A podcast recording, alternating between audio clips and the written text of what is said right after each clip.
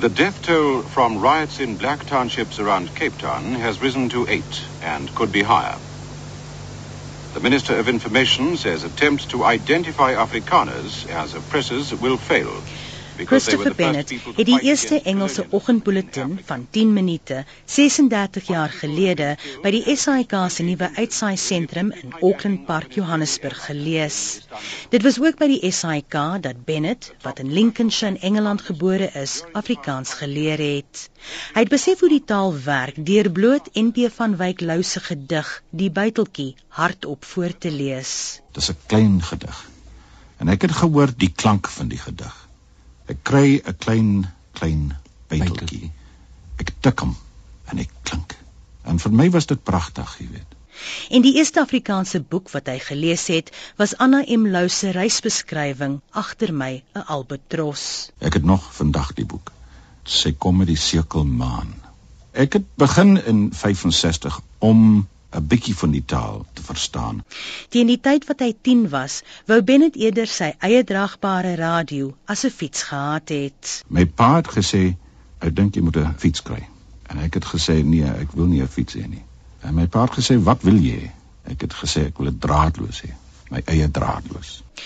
Die Bennett gesin het na Nieu-Seeland geëmigreer toe hy 17 was. Weereens het hy instinktief geweet hy wil 'n uitsaaier wees. Ek het 'n aanvoeling vir radio gehad. Ek het 'n aanvoeling vir die mense wat agter die mikrofoon gewerk het. Radio is 'n kuns. Jy kan maak wat jy wil met radio. Op jou eie, jy maak 'n onderhoud, jy skryf die woorde vir die skrip, jy redigeer die ding, jy maak die program self. Radio is ook 'n baie intieme geselskap. Radio is jou vriend. Jy moet net luister. 18 maande lank het die voormalige Nieu-Seelandse uitsaai korporasie hom opgelei om agter 'n mikrofoon te sit, die tyd en die weervoorspelling te lees en om 'n program aan mekaar te sit. Toe eers is hy toegelaat om sy eerste nuusbulletin te lees en hy was absoluut versot daarop. As 'n junior uitsaaier was die beroemdste, sterkste en mees vreedsame persoon met wie Bennett ooit 'n onderhoud gevoer het, se Edmund Hillary. Hy en die Nepalese Sherpa Tenzing Norgay was die eerste twee mense om die wêreld se hoogste piek, Berg Everest, in 1953 te bestyg. The main highlights were the actual bits on the mountain itself, the uh, last summit. Bennett het vir die eerste keer in 1965 na Suid-Afrika gekom en vir die SAIK gewerk na hy die Springbok rugby span in Wellington gesien het. 'n Jaar later is hy na die BBC in Londen. Daar het hy die sogenaamde kerkhofskof gewerk van 11:00 in die aand tot 6:00 in die oggend waar hy nuusbulletins op die buitelandse diens gelees het. In 1969 het Bennett vir die Rhodesia se uitsaai korporasie in wat nou Harare is, begin werk. Hy en sy maat Benny het saam met 'n ander veteraan Leslie McKenzie, gewoon. He was a superb broadcaster. He was I would say the best newsreader this country has ever had. He had the right voice, the right interpretation, the right attitude. He was also an extremely good interviewer. He had good ability, if not fluency, in four languages Spanish, German, French, and Russian. Books and words were his particular love. An ability to amuse, to interest, and he was an intelligent person. Terug by die SAIK in 1974 het Bennett vir wat hy die edele Engelse diens genoem het, saam met uitsaai legendes soos John Bishop, Paddy O'Byrne, B. Reed en Pat Carr gewerk. Dit is ook toe hy die nuusskrywer David Holt Biddle ontmoet het. Chris was something of a fanatical perfectionist, a little fanatical about food as well. He was brilliant when it came to serious music, classical music.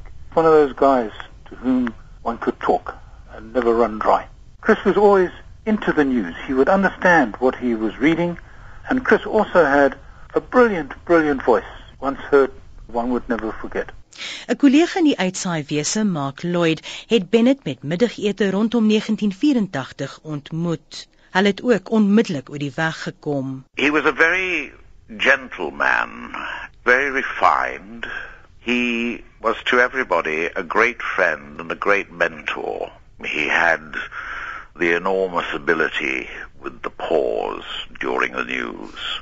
You waited. You didn't know whether you were going to get a recipe for Welsh rarebit or a declaration of the Third World War. Great fun. A darling man. In 1994 het Bennett die toneel geskets vir Nelson Mandela se geskiedkundige presidensiële inhuldiging by die Unie gebou. The world's journalists were up early this morning. We arrived here at the Union Buildings about 5:30 to find the place already abuzz. Met die regeringsverandering was Bennett verslae toe die SAIK hom en die meeste van die ouer wit uitsaaiers in die pad gesteek het. Hy het uitgewyk na die vakansiedorp Hartbeespoort vanwaar hy The Little Bookshop bedryf het. Die winkel het in skaarsboeke vir al Afrikane gespesialiseer. Leslie McKenzie sê Bennett het sowat 8 jaar gelede in Palm Beach, KwaZulu-Natal gaan aftree. He wrote a weekly column for the South Coast Herald. It was a sort of a Bennett's eye view of the world, often a little acerbic, often very humorous, always with a rapier, never with a sword. People loved it. When he went on holiday, they would phone in their droves to say, "Where's the back page? Where's the back page? Where's Mr. Bennett?"